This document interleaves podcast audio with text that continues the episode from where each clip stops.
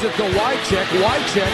That looked like a forward pass. Madden is on the field. He wants to know if it's real. They said yes. Get your big butt out of here. Hello? You play to win the game. Hej hej! Du lyssnar på veckans NFL med Mattias Olsson och Lasse Thorman. Tjena Lasse! Tjenare! Ja. Hur, hur, eh, hur går det uppe i snökaoset? Jag har hört att det är helt sjuka stormar uppe i Stockholm. Ja, det är lite galet är det ändå. Alltså, man blir ändå förvånad över att, eh, att eh, folk inte är mer förberedda på det. Jag, jag bor ju så sjukt nära mitt jobb så jag har ju faktiskt kunnat gå eh, till och från jobbet och sådär. Men annars har det ju varit total stopp. Däremot så skulle jag försöka få ut bilen. Jag har fortfarande inte bytt till vinterdäck så jag skulle försöka få ut bilen idag. Så först fick jag skotta runt bilen och parkeringen i en timme. Men sen när jag skulle backa ut så kom jag ändå inte ut från parkeringsplatsen för det var en liten backe där. Så fyra pers som sprang runt där på trottoaren var tvungna att hjälpa mig att putta ut bilen på vägen. Sjukt hur liksom chockade ni blir i, i Stockholm över lite snö. Säger jag som bor söder. Jag vet inte, men eh, jag, jag får ju sådana här bilder, du vet. När det kommer lite mycket regn någonstans. Så ska alltid folk dra ut så här kajaken och paddla så här, liksom. eller, eller när det snöar lite på Manhattan så är alla ute och åker skidor och sånt dumt liksom. Ja, Som drar det till sina ytterligheter. Jag, jag, jag ser mig det framför mig. Du, tar, du går och köper en snöskoter här nu och, och ja, det måste man ha. vet ja precis. Sådana här snygga snöskor som de alltid har i filmerna. Just det.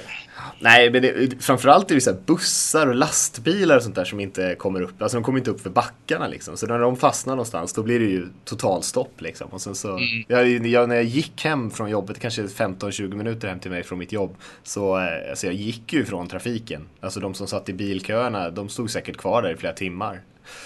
Ja, det, jag, jag, jag, jobbar, jag jobbar ju inte med den här podcasten tyvärr, men eh, på, på mitt riktiga jobb så har jag mycket med gods. eh, Och då fick jag snabb info från Stockholm att det stod helt still i trafiken i morse, så jag fick, fick eh, trixa lite med bokningar där. Men ja, stackare. Ja, ja så jäkla farligt är det inte. Men ni har inte så mycket snö där nere eller? Nej, det ligger lite, men, men det är bara att gilla läget. Jajamän. Vi kavlar upp ärmarna och gör något åt det här nere. Det är apokalypsen här efter USA-valet. Ja, fan nu börjar det. Global warming. Precis. Kicka igång direkt, alltihop. Nu kommer alla dödssynderna på en gång här. Det var, det alla de här bibliska katastroferna. Ja, nej, vi ska inte prata för mycket politik här kanske Lasse i den här podden. Nej, det får vi inte göra. Det är inte det det här handlar om. Nej. Och, eh, men det, däremot det första vi ska prata om i nyhetsväg när det gäller NFL det är ju faktiskt eh, en, en, en röstning, en omröstning i San Diego som eh, kanske ett par har hört talas om. Men de har ju haft på förslag där i San Diego. För Chargers som sitter där sitter på en väldigt gammal arena och vill ju ha någonting nytt. Och eh, då var det ett förslag om att höja hotellskatten i staden för att finansiera den här nya arenan och även som även skulle bli ett konferenscenter då, som man kan använda till annat än att bara spela fotboll. Eh, och de röstade, jag tror att det var samma dag som presidentvalet, kanske dagen innan. Kan du Eh, ta fatt på den eh, röstsedeln då? Att man fick välja det? Eller var det folket som röstade om detta? ja, det var folket som röstade på det. Ja, men då är det nog på den här sjukt stora röstsedeln. Vi ska ju inte prata politik, men vi kan ju prata om sådana här saker i alla fall. Att de har ju en sån här... eh, Det är som du vecklar upp en stor sån här bruksanvisning till hur du ska montera upp en cykel ungefär. Alltså så stor röstsedel har de. Eh, gigantisk. Så den stod säkert med där då. Ja, man, man fyller i på massa olika typer av frågor Ja, ja vad man tycker. precis. Eh, förskolelärare, distrikt 7 liksom, så har du 80 alternativ. Ja. Eh, och hur som helst så hade man ju hoppats på där att det skulle gå igenom, men det trodde man väl kanske aldrig riktigt på. Men man, trodde i alla, man hade i alla fall hoppats på att det skulle bli så pass mycket att man skulle kunna gå vidare och titta på någon annan typ av lösning. Och senast jag såg så var de inte över 40 procent i alla fall. Eh, och man hade ju hoppats närma sig 45 och, och uppåt i alla fall, närmare 50 där. Eh, och det behövdes 67 för att det skulle gå igenom. Men jag, jag tror man landade in, kanske runt 40 någonstans, men det var absolut inte i närheten i alla fall. Så nu är man ju lite på, eh, får gå tillbaka till eh, ruta ett här på hur man ska lösa den här arenaproblematiken i San Diego och, och huruvida Chargers kommer vara kvar i San Diego eller kanske de också flyttar till Los Angeles inom någon kort framtid här. Mm, ja, vi får se hur det utspelar sig. Mm. Eh, en eh, annan grej som vi kan snacka om det är att det är en hel del spelare som har varit skadade, stora stjärnor som är på väg tillbaka. Och vi har bland annat Tony Romo i Cowboys som har tränat fullt den här veckan. Justin Houston, pass rushen i Chiefs. Jag tror han ledde NFL i sacks eh, förra säsongen. Och Doug Martin, också running backen i Tampa Bay, är ju en jätteviktig spelare för dem. Är det någon där som känns extra, extra intressant tycker du Lasse? Alla tre känns väl jätteintressanta eller? Mm. Eh, kanske inte så att Turner Romo känns jätteintressant, men situationen är ju väldigt intressant med en eh, just nu lysande Dak Prescott och en Tony Romo som innan sina skador också var bra jäkla lysande. Hur, hur, hur blir detta? Jag hoppas att de slänger in han i någon form av Wildcats eh, Tony Romo. Han är ju verkligen den kuben. Bara slänger in han tio spel i någon... Ska han och hans rygg där ta någon eh, fyra yards löpning där och bli tacklad av en linebacker? Ja. ja. Nej, och Doug Martin, eh, Doug Martin eh, var ju bra förra året och eh, kan han komma tillbaka dit. Och, och Houston som sagt, pass rushen har varit ett litet problem för Chiefs eh, trots att deras försvar har varit bra så har ju det varit en liten... Man har ju sett att han saknas så att jag tycker alla tre är jätteintressanta. Mm. Ja, jag håller med dig. Houston har man ju saknat, framförallt i början på säsongen. Nu har ju D Ford kommit igång lite grann här på slutet. Men Doug Martin där, det, man, de, det där anfallet i Tampa Bay följer verkligen blev ett rejält avbräck när han försvann. Och de har inte egentligen lyckats återhämta sig från det. Nej. Eh, spelarfacket Lasse, NF, NFL PA som det heter, eh, har ju bildat en kommitté nu som tittar på eh, hur spelare hanterar och kanske kan minska lite av den här fysiska smärtan som man känner kanske mellan matcherna när det är återhämtningsdags. Och en grej som självklart då plockades upp i, i mainstream media är det här med Mariana och använda det som en form av, eh, som ett form av smärtstillande. Det har ju blivit legaliserat i fler och fler stater i USA och många spelare eh, har ju gått ut och, och, sagt att, de, att det här är någonting som verkligen de skulle vilja kunna använda. Men det är ju inte tillåtet idag. Kör på. Kör på. Kör på för fan. Alltså, var... Du prickade ju ja på den där röstsedeln om Mariana-användning i NFL. Uh, ja, för fan. Kör på. Funkar det inte så är det bara att skita i det. Uh, nej, alltså seriöst. Jag om vem fan är jag uttalar man det egentligen? Jag har ingen aning. Jag är ingen eh, sjuk missbrukare av Mariana eller eh, smärtstillande piller så jag, jag, står ju inte på någon sida men eh, jag tycker inte man ska bara flänga bort det som att eh, knarka sig till framgång för det bevisligen handlar det ju om mer än, än just eh, att knarka på liksom så att eh, man kan i alla fall lyfta, fortsätta och ha frågan eh, på på agendan och, och, fortsätta utveckla och kolla möjligheter för eh, som du säger, det, det börjar bli lagligt lite mer, eh, mer och mer här nu i USA och ja, vad fan. Släng inte bort tanken och idén i alla fall. Nej, och vi hamnar ju i de här diskussionerna ibland när det kommer såna här grejer där eh, saker som kanske inte är olagliga men som antingen NFL förbjuder eller många som tycker att NFL borde liksom ta ett hårdare tag på om de ska vara den här liksom moral eh, organisationen som på något sätt säger vad som är rätt och fel trots att eh, lagen kanske säger någonting annat eller inte ens tar upp sådana här grejer. Så det, det, är en intressant diskussion vilken roll man ska spela egentligen som sån här sportorganisation tycker jag. Men just frågan är det svårt att ta ställning till men om många spelare tycker att det är någonting som kan hjälpa dem så ja, varför inte? Men det är ju så svårt. Jag är ju alltså, om man bara svarar snabbt så är jag ju väldigt emot att eh, NFL då ska ha sin egen lagbok och följa egna lagar. Eh, blir någon friad för någonting så kan ändå NFL straffa dem med en avstängning och, och, och sådant. Eh, men just på den här, på den här Mariana-grejen så, så är det ju ganska kluvet eftersom i Kalifornien så nu är det väl inte ens bara medicinskt bruk. Nu är det väl för eh, nu är det väl fritt fram att gå hem och köpa det och sätta sig i soffan och, och fylla pipan eller vad fan man gör. Så, så, medans i, i eh, Georgia är det långt ifrån lagligt. Så att det är så svårt liksom. Ska bara eh, Kalifornienbaserade lagen få, få nyttja det här då? Eller ska alla åka dit och nyttja det och sen tillbaka? Det är ju inte så jävla lätt att liksom hitta en fungerande linje när det är så stort och ett land som skiljs åt så mycket. Ja visst så är det. Och som du är inne på, det är ju väldigt få stater som det är helt tillåtet i. Medicinsk mm. marijuana är tillåtet i, jag tror att det är en majoritet av staterna men fortfarande långt ifrån alla. Så att, eh, det måste ju vara lika för alla spelare oavsett vad man spelar, det kan man ju tycka. Precis. Hörru du, eh, mm. det var egentligen alla nyheter vi hade den här veckan. Det har varit lite små grejer men vi, en del kom vi in i som vi brukar när vi snackar om matcherna. Eh, Är det någonting du eh, funderar på när vi ska gå, titta tillbaka lite grann på förra helgen och vad som hände då? Är det någonting spontant som du tänker på? Jag, jag vill höra vad du har att säga om eh, Seahawks Bills och vad som hände där lite. Sherman var ju inte populär och så var det lite eh, halabaloo i slutet av matchen. Du får gärna berätta för mig här. Ja, det var ju framförallt i, i slutet på första halvlek som det blev eh, riktig kanske. dramatik där. Ja, men det jag tyckte det var en jättebra match och eh, lite trist att det blev ett sånt fokus på just den situationen där. Men det var ju, eh, Bills hade ju ett field goal-läge i slutet på, på första halvlek och eh, Richard Sherman skulle ju då rusa mot kicken där och försöka blocka kicken. Han startade för tidigt, fullföljde ändå spelet eh, och eh, flög väl in i, i kicken. Eh, så att kicken skadade sig. Och, fick, eh, och när man har skadat sig och liksom ligger ner och blir omhändertagen då måste man kliva ut ett spel innan man får kliva in vilket betyder att han fick inte komma in igen och kicka kicken. Men då kom Bills på att ja men vi kan ju spika bollen en gång för de hade ändå downs att leka med. Ja. Eh, och då ska vi säga att Sherman åkte inte dit på någon sån här rough in the kicker-flagga Nej, som ett par tyckte att han skulle göra. Och då hade man ju kommit väldigt nära.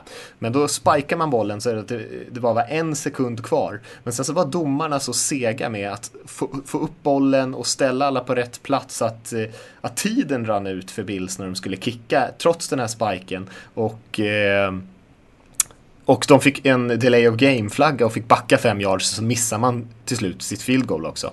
Så att de fick inga poäng där i slutet på, på halvleken. Eh, och det var många delar där. Eh, och eh, jag tycker domarnas miss där med att, att de inte låter eh, Bills komma igång med spelet förrän klockan har runnit ut, det är ju liksom oförlåtligt på något sätt. De måste ju få en chans att starta sitt spel.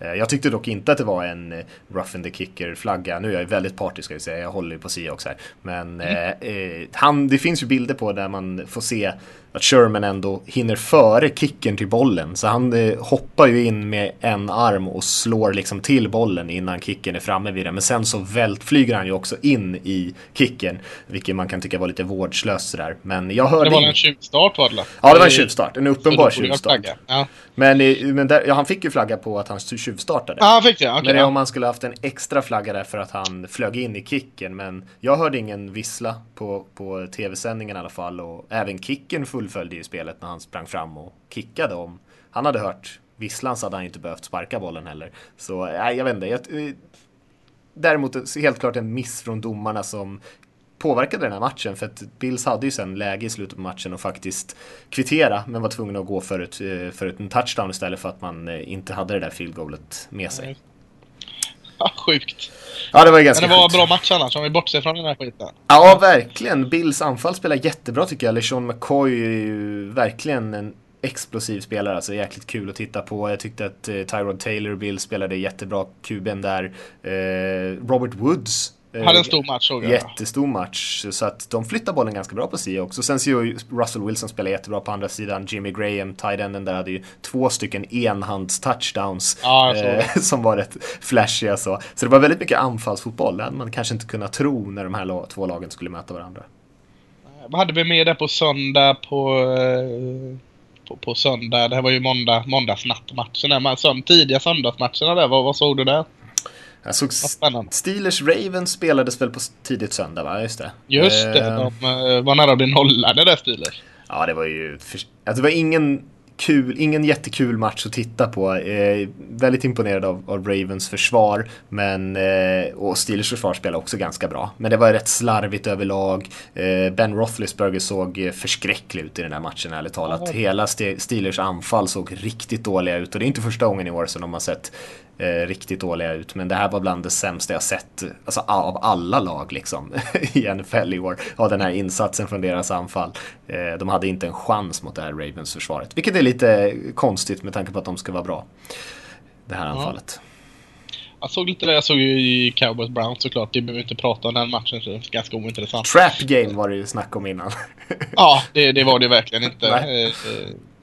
Eh, Så det, där behöver vi inte prata om alls. Dak Prescott såg jättebra ut kan man ju nämna. Men, Mm. eh, intressant match där. Jets-Dolphins eh, tycker jag. eh, Jets förlorar trots att Fitzpatrick inte passar en enda interception. Eh, JJJ gör en, en ytterligare en bra match. Och, eh, Eh, jag, jag såg den bara på en sån där kondenst som eh, i efterhand. Som, det är ju ganska svårt att, att få en helhetsbild då. Men, men eh, tyckte det var ganska spännande match. Det är mycket ungt folk i Miami som gör väldigt mycket bra nu. De, man har pratat mycket om att Cowboys har hittat rätt i sin draft med, med spelare. Men, men eh, jag tycker Miami, alltså, nu är det inte bara rookies men andraårsspelare och förstaårsspelare som, som bidrar. Det är mycket, mycket unga spelare som verkligen visar framfötterna i Miami nu. Och, och, det var roligt att se tycker jag. De, de var värda vinsten. Eh, blev 23-27 där till, till Dolphins till slut men eh, det var en kul match att se. Jag tycker, tycker fortfarande att Tansil är jätteduktig. Det har inte pratat så mycket om honom. Eh, offensiva attacken som numera spelar guard. Eh, Eh, nej, det, det tyckte jag var en riktigt kul match faktiskt. Cameron Wake såg jättebra ut igen. Det var, var ett tag sedan jag såg han bra. Eh, så den, den gillade jag den matchen. Mm. Eh, Broncos Raiders tycker jag man kan säga något om. Eh, snackade ju lite om, du och jag snackade om den förra veckan. Lite grann att Raiders kanske hade chans här och, och verkligen eh, cementera sig som ett, som ett ganska farligt lag i år ändå och sätta dit Broncos som ändå dominerat den där divisionen ett tag. Och det gjorde man verkligen. Eh, var helt enkelt mer fysiska eh, och helt enkelt spöade på Denver i den här matchen. Raiders offensiva linje var extremt bra med Kelechi och Semele och Donald Penn och det där gänget. De, jag tyckte jag läste någonstans att de liksom körde samma springspel med kanske någon liten variation, kanske tio gånger bara för att eh, Broncos visste liksom vad Raiders ville göra men kunde helt enkelt inte stoppa det. Eh, den är, de har investerat mycket i den offensiva linjen och det syns verkligen. Eh, så de sprang ju egentligen över Broncos där och vann mm. matchen fullt rättvist, var, var ett bättre lag. Absolut, jag, jag tycker Denver visserligen 6-3 så, så de är fortfarande i en god situation. Men eh, tycker man ska oroa sig lite här nu för vad man egentligen har på offensiven. Eh, sägs ju väldigt ofta att eh, Defense wins championships. Eh, ligger möjligtvis något i det men, men eh, du måste ha no någonting att samla dig runt kring offensiven. Jag menar om vi tar exempel när Seahawks vann Super Bowl så vann de ju kanske i slutändan på att de hade ett grymt försvar. Men samtidigt så hade de delar av sin offensiv som var eh, jäkligt vass också med Marshawn Lynch och Russell Wilson. Just nu ser jag inte riktigt den där delen i, eh, i Denvers offensiv.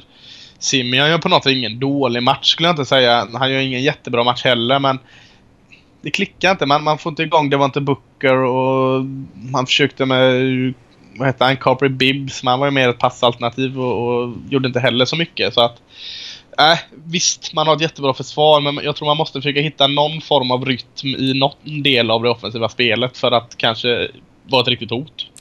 Ja, och vi, vi pratade ju om det lite grann i början på säsongen när Raiders också vann matcher men att det kanske fanns lite mer att ge här, särskilt mot försvaret och jag tycker de verkligen har vaknat till de senaste matcherna. De ser bättre ut, eh, Khalil Mack här med fem, fem sax på tre matcher här tror jag. Eh, och deras passförsvar har i alla fall städat upp lite grann eh, efter hur katastrofdåligt det såg ut i början. Så att eh, ja, de är lite farliga ändå Raiders. Ja, det finns många lag jag hellre skulle möta i, i en eventuell utslagsmatch i slutspelet än det här Oakland-laget när man ser på dem just nu. För de har mycket som är svårt att stoppa, särskilt offensivt. Men även försvaret tycker jag verkar eh, ha hittat lite mera eh, rytm nu.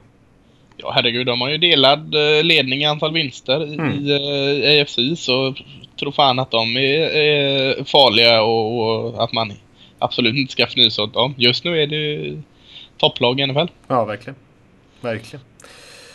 Är det något mer som du känner att vi ska nämna?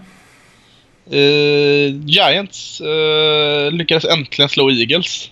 Uh, de, de, har inte gjort det på typ hur många, sen 2013 så har alltid mm. Eagles vunnit den matchen. Jag var inne på det förra veckan och eh, ja, jag vet inte riktigt hur man gjorde det. Bra försvar mm. eh, är det för att jag tycker offensiven var väl inte så eh, fantastisk som, som eh, den borde varit men eh, man spelade bättre försvar än Eagles den här matchen och det säger ganska mycket eftersom Eagles har ett uh, ruggigt fint försvar men uh, Spännande den matchen. Giants är nu 5-3. Eagles 4-4. Det är tar den här platsen bakom cowboys just nu. Eh, äh, jag gillar han Lennon Collins. Han har verkligen, verkligen äh, tagit ett stort kliv över safetyn i, äh, mm. i Giants som var rookie förra året. Tycker han ser äh, skitbra ut. Eh, Oliver Vernon vaknade till lite här och såg ut som han gjorde på försäsongen. Också viktigt. Så det, det var en kul match. Ja, för Eagles hade ju ändå chansen att ta hem den där matchen på slutet men eh, Giants mm. pass rush var ju bara för mycket. De eh, åt ju upp Wentz där nästan. Han fick ju ingen tid överhuvudtaget. Eh, sen kanske han kunde ha gjort ett och annat bättre också såklart men eh försvaret stängde ju verkligen matchen åt dem. Ja, och det har varit ett litet problem för Giants. Man har investerat mycket i sin defensiva linje men man har inte riktigt kommit till att få till den här pass rushen. Jag, jag är lite orolig för Eagles offensiva linje. Den, den är ju den ser inte ut att ha en riktigt eh, klar linje hur den, ska, hur den ska agera nu som grupp. Mm. Eh, nej, mm. något annat. Jag vet inte vad, vad, vad annat. Det eh, viktigaste av allt har du glömt bort ju. Vad är det? Att jag spöar i fantasy. Fan, jag typ... ja. Ja. Fan. Nej, jag kan inte säga något där. Nej, för i och för sig så ligger vi lika nu i antal vinster, så det var inte så att jag eh, drog ifrån Jag trodde du skulle ta upp den här jävla pigskin picken som jag typ har, har uh, legat före dig i tre års tid och att nu äntligen är du lika, lika i poäng. Jag trodde du skulle ta upp den första gången på tre år och du är och nosar. Ja, det är också en viktig seger i och för sig. Nu, ja. nu känner mig att jag är fattar nu. Nu har jag en chans i alla fall. Ja, det är första gången du är intresserad att ta upp det här. Ja, det är sjukt. Ja. Men det var inte ja, du som det... tog upp det. Jag nämnde inte picken ens. Nej, hela det här men det är ju någon form av fantasy det med. Ja, ja, det är sant i och för sig. Ja. Ja, ja, nej, grattis då. Ja, jag hade faktiskt väldigt bra vecka. Alla mina bettingmatcher satt också, så att just för min egen del så gick det väldigt bra förra helgen. Härligt. Mm. Så, så kan det gå ibland. Jag, jag, nämner det bara när det går bra. De andra åtta veckorna på säsongen har det gått dåligt. Så nu, går, nu går vi vidare. Jag tycker det också. Hörru, en grej man kan notera däremot är att det är, vi har ju snackat om att det är en lite galen säsong, eh, kanske väldigt få topplag. Eh, många har tyckt att underhållningsvärdet har varit ganska dåligt. Eh, men det har varit väldigt mycket jämna matcher i alla fall. Eh, hittills har det varit 99 matcher som har varit inom en poäng, eller en score då, alltså en, eh, inom åtta poäng i fjärde kvarten. Vilket är mer än någonsin faktiskt efter eh, nio spelade veckor. Så att det, det har varit lite galen säsong men mycket jämna matcher. Ja, galen, galen säsong på många nivåer i, i det landet just nu. Men, uh, ja. ja, nu är vi tillbaka där igen. Ja, jag, jag tänkte att jag skulle få in någon form av swing state i NFL. Det hade varit jävligt eh, käckt. Men, uh -huh. vad, vad, har vi, vad har vi sett fram emot då? Om vi blickar framåt, det får vi göra nu. Vet du. Framåt, framåt. Ja, det ska man alltid göra. Ja. ja. Eh, nej, men det, det, finns väl en hel del spännande matcher. Eh, jag kan, jag kan tänka mig att eh, Chiefs eh, hos Carolina Panthers är rätt intressant för Chiefs eh, som är på en väldigt Eh, har haft ett eh, väldigt bra flyt den senaste tiden, inte i tur då utan att de har spelat bra. De har ju vunnit fyra raka. De vann mot Jaguars, Jaguars senaste veckan här och de har ju vunnit 16 av sina 18 senaste regular season matcher som har verkligen gått på som tåget. Eh, och Panthers som började katastrofalt försöker på något sätt kravla sig tillbaka och har ändå vunnit två raka nu. Ehm, så det är lite intressant och kanske får man tillbaka Justin Houston, eh, D Ford, den unga pass rushen som såg väldigt spännande ut i college minns jag.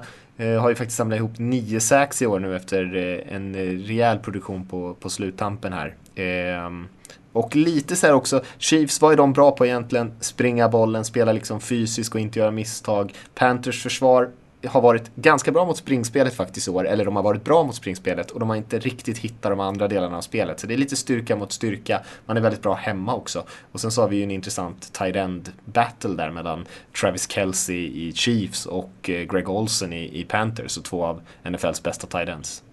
Den scenen var jävligt rolig. När, Kelsey. när Kelsey kastar sin handduk mot domaren. Domaren kastar upp kepsen i luften. Andra domaren kastar en flagga. Det var en jävla tvättdag där alltså. Flög tvätt överallt. Det där var, den var rolig. Uh, Kelsey uh, är ju alltså, han är en underskattad karaktär. Alltså, det är inte, ja, man, ja, jag älskar honom. Man hör inte så mycket om honom just. Det är kanske för att han spelar i Chiefs liksom. Men ja. han är, uh, han är ju rätt rolig alltså. Han är ju en gammal quarterback också. Så att, uh, kanske får se något trickspel med honom så småningom. Men han är jävligt bra som tight end också också. Nej men jag, jag, håller med väldigt mycket du säger den här matchen. Jättebra match tycker jag det är. Alltså Kansas City glöms lätt bort i eh, AFC här eh, West. Just på grund av att det är väldigt mycket fokus på Oakland med all rätt och även Denver som är regerande Super Bowl-mästare. Då glömmer man lätt bort att Chiefs är ändå 6-2 och har vunnit fyra raka. Eh, man, man, man, jag tror inte man eh, gnäller så mycket över det som Kansas City, eller om man är Kansas City, för de ligger nog ganska skönt där i, i bakvattnet och lurar. Men, Mm.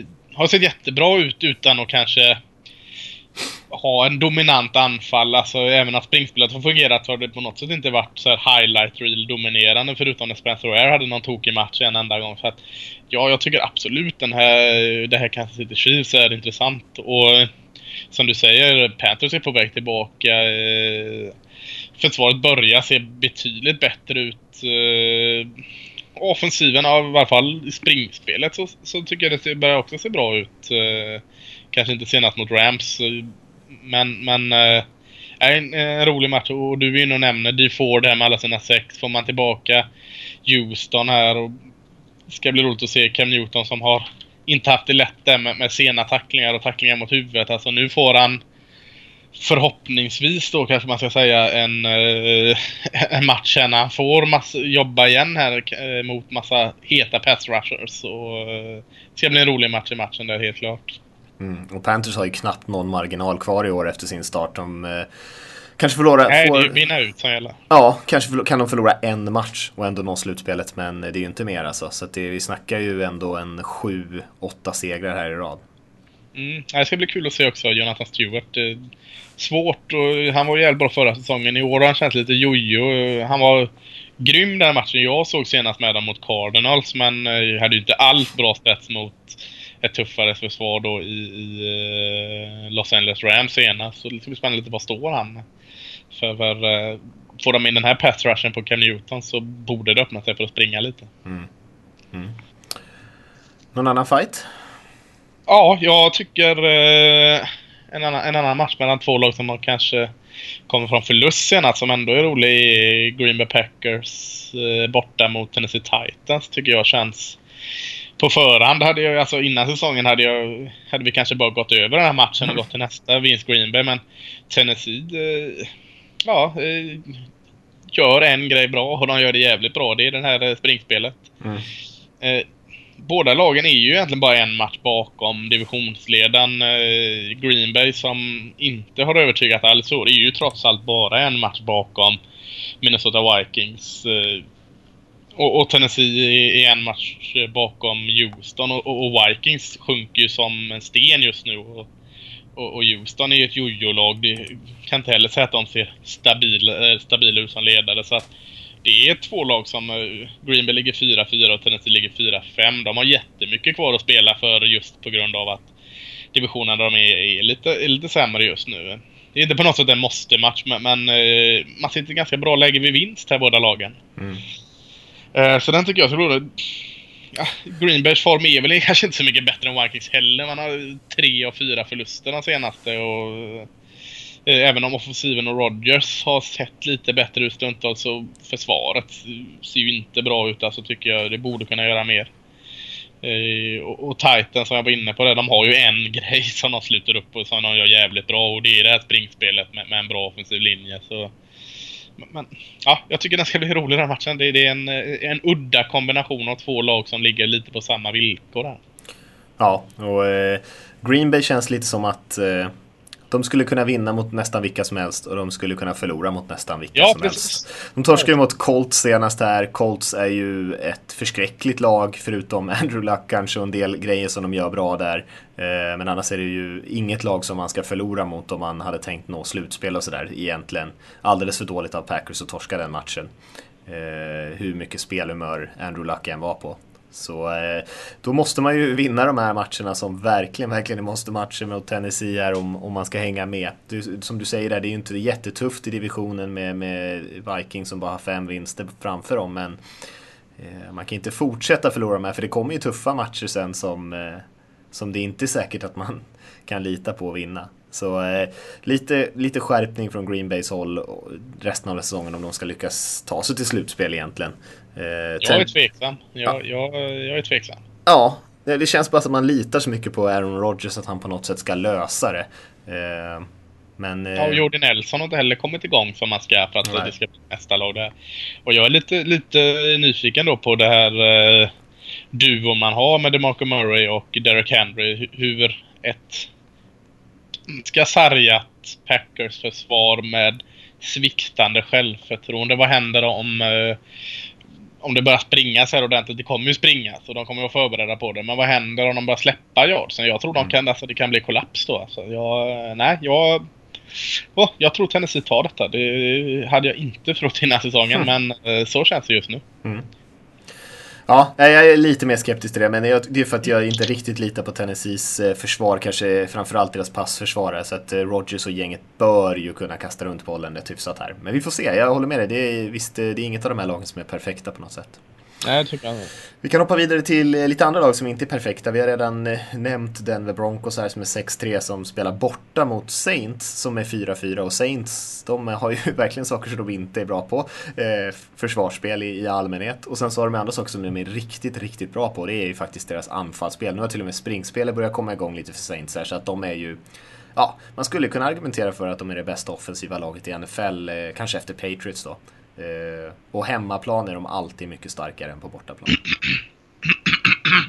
ah, ah, ja, det där i södern där också någonstans så har vi ju Dallas där kanske också. Ja, som, tack, tack. Eh, möjligtvis kan räknas in i den gruppen då. Är det något vi är bra på så är för fan offensiva.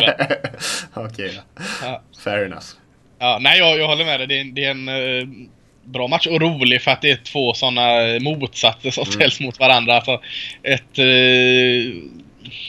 ett helt öppet försvar i New, England, eller i New Orleans som eh, släpper igenom folk på alla håll och, och kanter och eh, ett anfall som känns som de kan döda den på tre olika sätt nu när de har eh, när Ingram vaknar till sist eh, och får igång några springspel där så är det ju livsfarligt. Och så har du Denver som inte kan ta nästa steg i offensiven och hitta en tydlig sätt att skada motståndarna där medan försvaret stänger matcher mer eller mindre. Så att, äh, det, det, är en, en eh, kul match alltså för att det är två sådana såna motsatser som möts. Det är glad och tokig anfallsfotboll kontra disciplinerat försvar.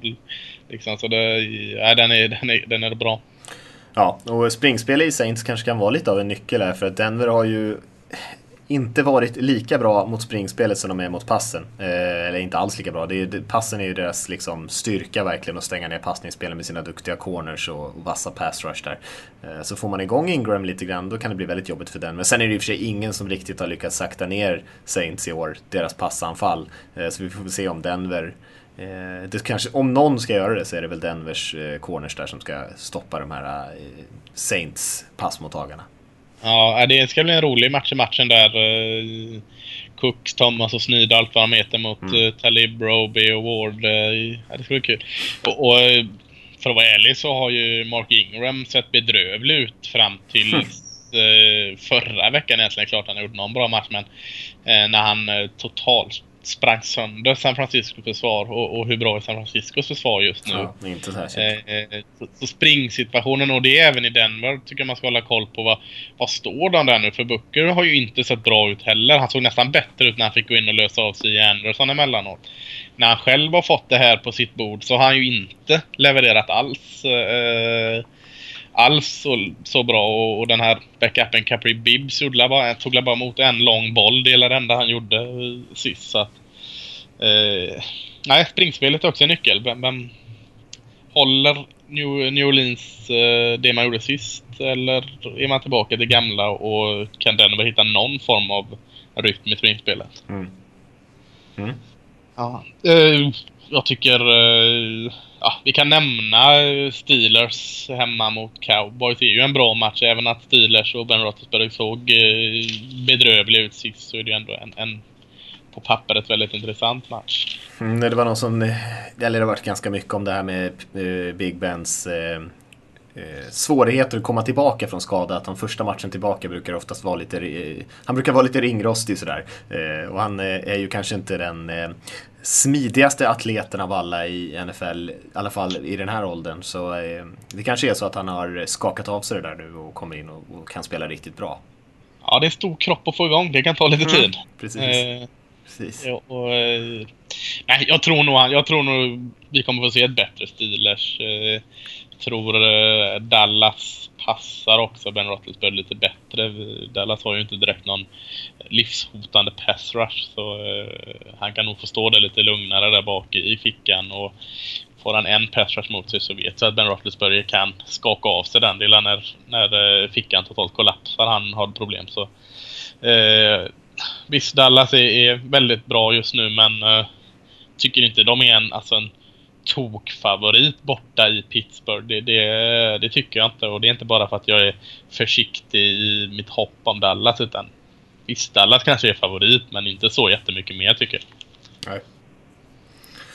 Eh, veckans match får man väl kanske ändå kalla den, eh, Lasse, när Seahawks hälsar på hos Patriots. De här lagen som är 5-2-1 är ju Seahawks och 7-1 är ju Patriots. Så att rätt ostoppbara ut än så länge. Ja, inget snack om att det är veckans match. Eh, jag vet inte, jag, jag försökte på något sätt komma på någonting som eh, New England är eh, lite dåliga på som man kan utnyttja och kanske såra dem med. Kom inte på det. Eh, vad, det gäller hur man ersätter Collins här som man tradar bort som kan vara det enda jag kommer på vem går in och tar den rollen. Nu är Ninkovic tillbaka här i sig men eh, skulle vara det jag kommer på liksom att får man in någonting kan man vara lite sämre i linebacker-positionen där bak. Jag vet inte. Men, men jag har jättesvårt att hitta någonting som New England är dåliga på. Ja, Roberts har ju spelat rätt bra där på Collins plats men försvaret i Patriots har inte varit sådär jättebra som man hade kunnat tro att de skulle vara ändå för de har rätt mycket duktiga spelare tycker jag. Kanske inte presterat riktigt på den nivån. Um, Nej men, men jag tycker ändå man har varit bra liksom. Det, det är inte, det är inte så här, du kan inte så sätta fingret på att passa djupt på deras corners. Nej. Ja, kanske. Men, men det är inte någon, någon tydlig svaghet det tycker jag inte. Nej. Jag tror att det blir tufft. Jag tror att det blir väldigt tufft för Seahawks i den här matchen. Eh, eh, man har ändå varit lite eh, skakar, jag ska inte säga att man skakar, man har varit bra försvarsmässigt i Seahawks. Eh, men eh, är det något man inte riktigt har kunnat stoppa så är det de här passningarna över mitten. Och eh, Patriots med sitt korta passningsspel och, och, sina duktiga tight ends. Jag tror att de kommer ha ganska lätt, särskilt på hemmaplan i New, på Gillette där, att flytta bollen och, och göra poäng på det här Seahawks-laget. Och då sätter väldigt mycket press då på Seahawks anfall att de ska kunna hänga med. Och de har ju inte visat än så länge att de kan göra det på regelbunden basis. Vissa matcher har de sett jättebra ut, såg väldigt bra ut senast till exempel. Men det är också för att man försökte kasta bollen på eh, inom den första sekunden eller någonting innan pass rushen bara sköljde över. Eh, för den offensiva linjen är ju ett stort problem. Man har inte kunnat springa bollen överhuvudtaget. Så eh, det kommer nog bli väldigt tufft att hänga med Patriots på, eh, på eh, poängtavlan här. För att jag tror att de kommer kunna göra rätt mycket poäng på Seattle.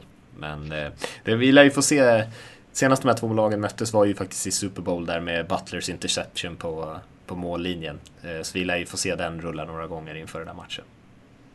Ja, visst är det så du som ändå ser dem eh, varje vecka. Att känns som det är en liten ny identitet i Seahawks offensiv. De har kanske blivit tvungna till det men det är inte det här springandet eh, som det var innan. Alltså nu, nu lever man mycket mer eh, på passspelet. Kanske för att man är tvungen för, för att göra det men men det känns lite som att det är ett nytt Seahawks offensiv som vi ser. Ja, eh, och som det kanske inte har riktigt funkat varje match, men det, det kände man väl kanske lite inför för säsongen att det skulle bli lite mer Russell Wilson, lite mer passanfall. Sen blev han skadad. Eh, i, i båda benen och har inte kunnat springa runt så mycket så han har fått stå stilla i fickan, vilket han vanligtvis är rätt hyfsad på men med den här offensiva linjen när han inte kan egentligen fly någon press eller så så har det blivit väldigt tufft att hålla liksom serier igång för det blir alltid någon sack någonstans, alltid någon holding penalty och så helt plötsligt sitter man där liksom på andra och 18 eller någonting och eh, då har man inte kunnat konvertera och hålla serierna vid liv. Eh, så att eh, jag vet inte, det är Visst, jag håller med dig. Det, det, hänger väldigt mycket på Russell Wilson nu för tiden. Eh, mer än vad det gjorde när man hade Marshawn Lynch och han på något sätt ändå var motorn i anfallet. För mm. nu, nu kan man ju verkligen inte springa bollen med den här äh, skröpliga linjen. Nej, det ska bli spännande också att se om, om uh, Seahawks kanske varför kan rubba New England Patriots lite med, med att Patriots får svaga smaka på sin, på sin egen medicin här med om Graham kommer från en sån bra match som han ändå hade sist så att man kanske bombar ut på stora Jimmy Graham i, om man tar sig till Redzone. Det, det är ju precis det som, som eh, New England gör med, med Gronkowski och, och Bennett. Eh, eller vilken nu den man har. Eh, det tycker jag ska bli roligt att se också. Kan de bli, bli sårade lite på sin egen styrka? Ja, det var eh, många, många år sedan Seahawks blev utklassade ordentligt. Eh, men eh, det här är nog en, en den, på länge som jag känner att det här skulle mycket väl kunna bli en utklassning i, i Patriots favör. För annars är man ganska sega och envisa. Även fast man torskar så brukar man liksom på något sätt alltid hålla sig i matcherna. Eh, här kan det bli tufft tror jag. Ja, jag tror, inte, jag tror de, är, de är så bra i försvaret, Seahawks. Jag tror inte de blir utklassade. De kanske förlorar med, med 10-12 poäng, men jag, jag hävdar inte att det är en utklassning på något sätt. Eh, 12 poäng är sjuk kombo annars. Men, men säg att de förlorar med, med en touchdown och en field goal. Det är, så lägger vi till en safety så det blir 12. Men, men det är inte för mig en utklassning. Så att nej, jag tycker och tror att Seahawks är ett tillräckligt bra lag för att de blir inte utklassade. Mm. Hoppas att de håller det jämnt så att det blir lite spännande match i alla fall. Eh, ja. Men med det Lasse så kanske vi ska ta och hoppa vidare. Eh, nu har vi ändå rivit igenom ett par matcher där. Känns som att det finns en hel del att njuta av som vanligt. Men eh, det finns ju lite annan fotboll också. Vi ska ta lite frågor på slutet men innan dess så ska vi kanske snacka lite collegefotboll.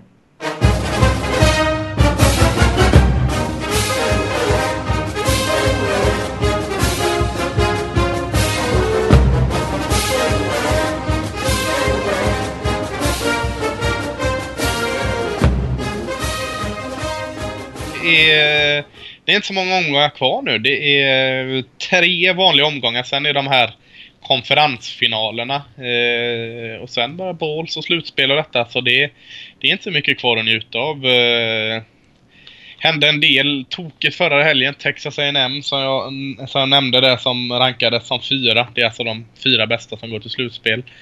Eh, åkte på en snöplig förlust mot Mississippi State som eh, inte alls har sett bra ut i år. De har inte kunnat ersätta eh, offensiven med Dak Prescott eh, som de borde. Och eh, försvann nu i racet eh, skulle jag vilja säga helt. Så betyder att Washington tog eh, Seattle-skolan där, tog, eh, klev upp platsen. Så nu, nu har vi Alabama, Clemson, Michigan och Washington fyra obesegrade lag från fyra olika konferenser på plats 1 till 4. Eh, som ligger där uppe. Och vi, vi, har väl ett par, det börjar bli mindre och mindre nu självklart lag som är med och slåss om de här platserna. Men, men eh, i första hand skulle jag vilja säga att Ohio State och Louisville som har en förlust var eh, skuggar de där och, och ska vi lyfta upp några till så är det väl Wisconsin och Auburn där som på något sätt har det egna händer. Man möter lag där uppe i toppen. Om man slår dem så kan det skyfflas om lite i ordningen. Men eh, just den här lördagen är väl kanske lugnet före stormen lite. Det, det är... Eh, de, de eh, det, det, är jättebra matcher, men, men det är inte så många matcher som eh, direkt påverkar eh, slutspelsracet. Eh, du, du har en bra match liksom som jag, jag tycker det är verkligen värd att se. Det är ju USC, alltså Los Angeles-skolan, USC Trojans, eh, som är i jättefin form just nu. De har varit väldigt svajiga i flera år nu. Det är ju en klassisk stor skola, liksom ett framgångsrikt program. Men de har fått lite sanktioner på sig och, och varit lite gungning. Men i jättefin form nu. De har en, en ny ung QB som heter Sam Darnold. Som åker upp till Seattle och möter det Washington som är 9-0. Här, här, det här är en sån riktig match som är solklart veckans match. Om Seattle New England var det i NFL så är det denna som är det i, i college. Två Seattle-lag då som är veckans match. Eh, tycker man, men sen är det bra matcher. LSU och Arkansas är en jättebra match. Men, men eh, med eh, rivaliteten där. Men eh, det är ingenting som påverkar slutspelen. Så att det finns absolut mycket roliga och bra matcher och spännande matcher att se. Men ska man kanske ta någon form av eh, släktmiddag eller parmiddag eller åka över med sitt barn till kusinen eller vad fan ska man göra på en lördag. Så kanske man kan offra den här veckan. För efter den här veckan då kommer det vara jobbigt alltså. Och jobbigt menar jag att det kommer vara så ohyggligt mycket matcher som man måste se. Som har eh, jättestora stor påverkan på hur slutspelet blir. Så att det är en liten, liten lugnet före stormen-vecka här eh, innan eh, det kommer vara tokbra college fram till eh, nyår. Mm. Intressant Lasse. Vi tar lite frågor. Mm. Eh, och vi kan väl egentligen, vi har fått ett förslag här om att, eh, eller ett önskemål ska man säga från, eh, Daniel som tycker att vi ska spela in på, på onsdagar istället för han tycker det blir lite tajt att hinna lyssna på podden innan, innan helgen. Jag vet inte vad vi säger om det Lasse? Ja, vi tar till oss det så kollar vi hur, Mm. det går. Eh, jag vet inte, jag tänker inte på det så mycket. När släpper man den? Vi brukar släppa den torsdagar eller? Ja, men det blir ofta rätt sent på torsdagar tyvärr. Men det blir ju så att man måste liksom spela in och då ska vi göra det efter jobbet. Sen ska det klippas och sen ska det upp och sådär. Och så tar det lite tid innan alla podcast-appar och allting fattar att podden är uppe. Så, eh, Ja, vi, vi tar med oss det. Det kanske är eh, onsdag. Får man fisk på lunch och så går man hem och, och lyssnar på podcast. Ja, det, jaha, nej men eh, absolut. Vi får, vi får klura på det. Ja, vi har ju faktiskt spelat in onsdagar de, eh, senaste åren för mig. För det mesta. Men det är ju alltid sådär vad som funkar med, med din och mina eh, åtaganden i livet. Ja. Lät väldigt seriöst där men våra intressen kanske man ska säga. Ja. Eh, tar en fråga från Simon här. Eh, tjena Lasse och Matte. Får tacka för en Matte igen, det ser Matte, jävligt gött. Det sätter sig, det sätter Ja. sig. Får tacka för en fantastisk podd. Har en fråga angående en viss Lamar Jackson i Louisville. Jag har följt hans highlights match för match hela college-säsongen. Hur bra är egentligen killen? Kommer han kunna spela sitt QB-spel i NFL eller kommer han behöva byta position när det är dags till exempel att bli running back eller wide receiver istället? Tack, skriver Simon. Mm. Matte. Eh, QB helt klart, som han säger nu. Han är... Lamar Jackson är alltså quarterback i Louisville i college. Han gör sin andra eh, säsong. Så han är inte draftbar i år. Han kommer med största sannolikhet att draftas nästa draft. Alltså inte den som är eh, 2017 utan den som är 2018. Eh, och det är ju svårt med honom. Han är ju nästan låst till att vinna den här Heisman Trophy som eh, årets bästa college-spelare. För han, han vinner ju matcher på egen hand med Louisville och han är en sån en- QB som springer med bollen och han springer inte och skrämlar för 15 yards utan han springer 80 yards eh, och gör en touchdown. Börjar om, springer 80 yards, gör en touchdown. I, han är överjävlig just nu alltså. Eh, eh, men men eh, helt klart så är han ett eh, prospect för QB. Eh, men sen är det rätt svårt med springande quarterbacks och olika system i college. College är lite mer fritt så. Det är lite mer eh, razzle dazzle eller vad fan man ska kalla det. Tokspel och, och roliga eh, kombinationer och, och trickspel som gör att, att eh, de, de eh, typiska spelarna för NFL Eh, man behöver inte vara det. Man, man kommer undan med lite, med lite annat. För till kolla på Johnny Mansell i Texas A&M eh, hade ju också de här tendenserna. Han var helt jäkla eh, grym och dominera i college. Eh, nu hade han andra problem än att han bara inte funkade så i NFL. Men, men det var inte så att han övertygade NFL och eh, Cleveland tänkte åh vad synd alltså att den här gubben som vann matcher för oss har börjat kröka. Utan han hade ju svårt och vi har sett andra Tim Tebow har svårt. Nu sprang inte han för 80 yards men han var en annorlunda QB. Men samtidigt så Russell Wilson eh, var också lite åt det hållet. Även att han hade en bra arm och Cam Newton var det. Så att det är svårt att säga hur de här ska fungera. Jag tycker eh, Lamar Jackson ser bra ut på andra aspekter i sitt spel också. Det är bara att man får se det lite för lite för att det han gör, det här springspelet, funkar så jäkla bra. Så det finns ingen anledning kanske att, att, att ändra det. Så att... Eh, men, men för att summera då så absolut, det är det ett QB-prospect i, en, i NFL. Och eh, vi vet lite för lite om hans egna egenskaper, eller hans andra egenskaper som kanske han måste kunna för att lyckas i NFL. Men han har dem. Men, men hur, hur utvecklade de är, det är, det är lite oklart. Här. Mm. Tar en fråga från Love här då, som skriver Tjena grabbar och tack för en underbar podd. Vad härligt det var att höra att man inte är den enda Saints-supporten i Sverige när det kommer in ett par frågor för några veckor sedan. Hur som helst så har jag pratat med lite andra Saints-fans nyligen och det verkar som en generell tanke är att vi borde ersätta Sean Payton nästa säsong, huvudtränaren där alltså, om man inte kan fixa en säsong bättre än 8-8 i år. Visserligen har vi börjat spela bättre nyligen, men det är ändå så att Saints inte haft en säsong med högre än fi- 500 då, de har inte vunnit mer matcher än man förlorar på ett par år nu. Det snackas mycket om inavlade defensiva koordinatorer, att man inte vågar ta in nytt blod i försvaret få ordning på det. Jag undrar vad ni tycker om detta. Är det så att man borde skaffa en ny headcoach om man inte får till en bra säsong snart, även fast anfallet ligger i toppen av ligan? Eller borde man bara ge Dennis Allen en chans och se vad detta leder? Tack på förhand, skriver Love. Eh, bra fråga tycker jag. Mm. Och, och, och, tycker han, han är inne på någonting här som, som, är, eh, som stämmer ganska bra. Eh, om vi ska prata om Sean Payton så tror jag vi har varit inne på det innan och framförallt du har varit inne på det. Jag är lite mer såld på Sean Payton mm. och det baserar jag nästan bara på gamla meriter ska jag säga. Än vad du är. Eh, problemet är att han har lite för mycket på sitt bord nu och det är inte så att stackars Sean Payton han får göra så mycket utan det har han ju velat precis som Chip Kelly hade i, i, uh, hos Eagles. Uh, det bästa skulle vara om man kunde få fokusera på coachandet och inte så mycket den här general manager-rollen och blanda sig i det. Det allra bästa kanske, det, det funkar ju inte så, skulle kanske vara att ta bort honom som HC och kanske bara ha honom som offensiv koordinator för, för han är ju en bra offensiv tränare. Det, det är det inget snack om att han är. kommer han inte eh, gå med på. Nej, det är klart han inte kommer göra. Så att uh, det, det, är att om man ska hitta en... Uh, och då får man ju gå en annan väg och, och hitta en annan defensiv koordinator. Och, och, som man säger, Ellen har ju varit, uh, gått upp från defensiv linjetränare och den här långa vägen. Så han är ju en, en av, av de inavlade defensiva koordinatorerna.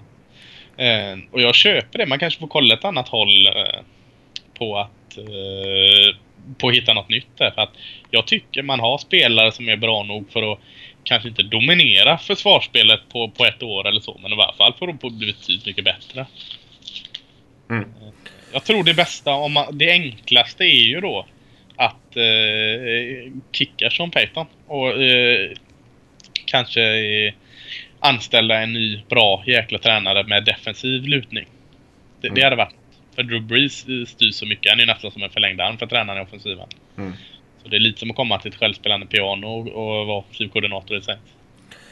Ja, så är det. Jag håller med dig helt. Eh, jag tyckte framförallt det där med, som du säger, med att han har så mycket på sitt bord. Eh, Eh, jag menar att han är en bra offensiv coach, det finns det nog ingen som säger emot. Eh, att han är en bra head coach, ja, kanske går att diskutera. Eh, men han har ändå vunnit Super Bowl, han har haft bra försvar i, i Saints under sin tid där. Så att jag, jag menar, han skulle säkert kunna vara en hyfsad head coach. Men att han sitter på alla de här rollerna, att han även är ansvarig för spelarvärvningar och sådana här grejer det, det, blir lite för mycket och det har han inte hanterat särskilt bra. Så att förändringar tycker jag att man måste göra. Eh, om man väljer att ha kvar någon som är headcoach då kanske man ska ta in en erfaren general manager som kan anställa en defensiv koordinator.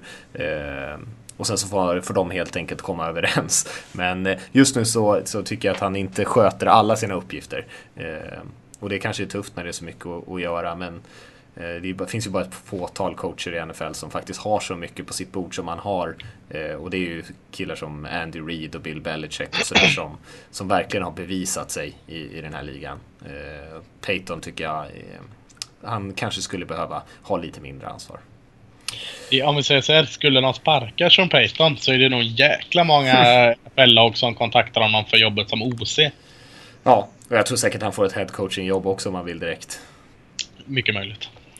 Eh, gå vidare här då Lasse. Eh, tar en fråga från Jocke som ska ut och resa lite grann. Eh, vi är ett gäng Bucks-supportrar som åker till Florida om två veckor för att bland annat se Buccaneers Seahawks. På lördagen har vi även bokat biljetter till college-matchen mellan South Florida Bulls och UCF Knights. Är det University of... Uh... Central Florida. Central Florida. Ja. Tänkte att Lasse hade lite koll på vad det är för några lag. Ja, bättre än mig uppenbarligen. Har, är det gamla rivaler? Har de någon chans på slutspel? Vore, vore roligt att få lite mer kött på benen innan vi bänkar oss till vår första college-match. Tack på förhand, skriver Jocke. Mm, eh, kul resa. Hoppas de sitter i piratskeppet när de kollar, kollar eh, Buccaneers där. Det har jag lite som en på min bucketlist. Ja. Eh, sitta där och äta en, en hink med någon form av mat och dricka eh, rom och cola. Skjuter de i kanonerna och allt. Ja, ja precis. Mm. Eh, gärna blir Warren Zapp eller något. eh, eh, ja, UCF, Orlando-baserad. South Florida Bulls är Tampa-baserat. Det är ingen gammal rivalmatch eh, på något sätt. Eh, det är ganska, men det är en, ett rivalmöte. Det är ett ganska nytt rivalmöte. UCF gick ju med i ACC först, eller AAC för konferensen då, de är samma. Först 2013. De har spelat lite mot varandra innan det. Det är så oerhört mycket, eller många college i Florida och, och väldigt många bra college i Florida så att det, det är tufft att brösta upp sig där men... Är det Blake Bortles gamla skola, UCF? Ja, det är UCF ja. ja. Men eh, det har blivit en liten rivalmatch. Den kallas uh, War on I-4. Alltså uh, Interstate 4 går ju mellan Orlando och Tampa. Så uh, de har börjat promota det lite som en, uh, ett, ett nytt rivalmöte. Så om hundra år kanske det är ett av de bittraste, vem vet. Och, och, det är väl, jag tror de har något pris. Här är jag ute lite och cyklar, men jag tror de har någon sån här rival mellan alla idrotter. Så att den skolan som har mest segrar när du bunkrar upp alla idrotter. Dam, pingis, eh, herrgolf. De får någon form av trofé liksom. Jag tror det är till och med en sån här road sign. Bronsad liksom. Inte ställt fyra eller något sånt. Eh, här kan jag ha sjukt fel. Jag har bara fått för mig det. Eh, South Florida, eh, hemmalaget då, om ni ska se matchen i Tampa, eh, är ju den bättre eh, historiskt sett av de två. UCF var jättebra när Black Bortles var där. Då var de nästan en utmanare till slutspel. Ingen av de här lagen kommer uh, ha en chans på slutspel. Så att Florida har en, en god chans på att uh, vinna AAC och ändå få spela en jävligt fin ball game. Så uh, det kan nog bli en bra match. Jag är lite nyfiken. Ni får jättegärna rapportera när ni kommer hem hur det var för att det, det pratas så väldigt mycket om de här Alabama, LSU, Texas, Oklahoma, Ohio State, Michigan. Så man glömmer bort de här små fina matcherna som som ändå har någon rivalitet i sig. Så eh, jag är jättenyfiken. Jag vill höra hur det var sen. Så mm. eh, bra match tror jag, hoppas jag. Och som hundra år kan Jocke säga att han var där när det, när ja, det här tog precis. fart. Mm. Precis. de har ju en spännande resa här. De vi ser ju matchen de ska gå på. De har ju fyra dagar där de ska gå först på en NHL-match, sen en collegefotbollsmatch, en NFL-match och sen en NBA-match med Miami Heat där på slutet. Så en jäkla trevlig sportresa. Verkligen. Eh, och med det så rundar vi av Lasse. Eh, om man vill skicka in frågor, som vi alltid säger, podcast at nflsupporter.se. Det är bara att mejla in om man vill ha restips från Lasse eller undrar om någonting i sitt eget lag eller något annat spännande. Eller om man har förslag på vilka dagar vi ska spela in och, och andra eh, bra grejer som vi kan ta till oss. Ehm, och ni får gärna hjälpa oss sprida podden på sociala medier och sådär om ni har möjlighet. Dela eller retweeta eller tipsa någon polare eller så. Och, eh, men annars säger vi så, så får ni njuta av matcherna och så hörs vi i nästa vecka så får vi se vilken dag det blir på. Det gör vi. Ha det bra allihop.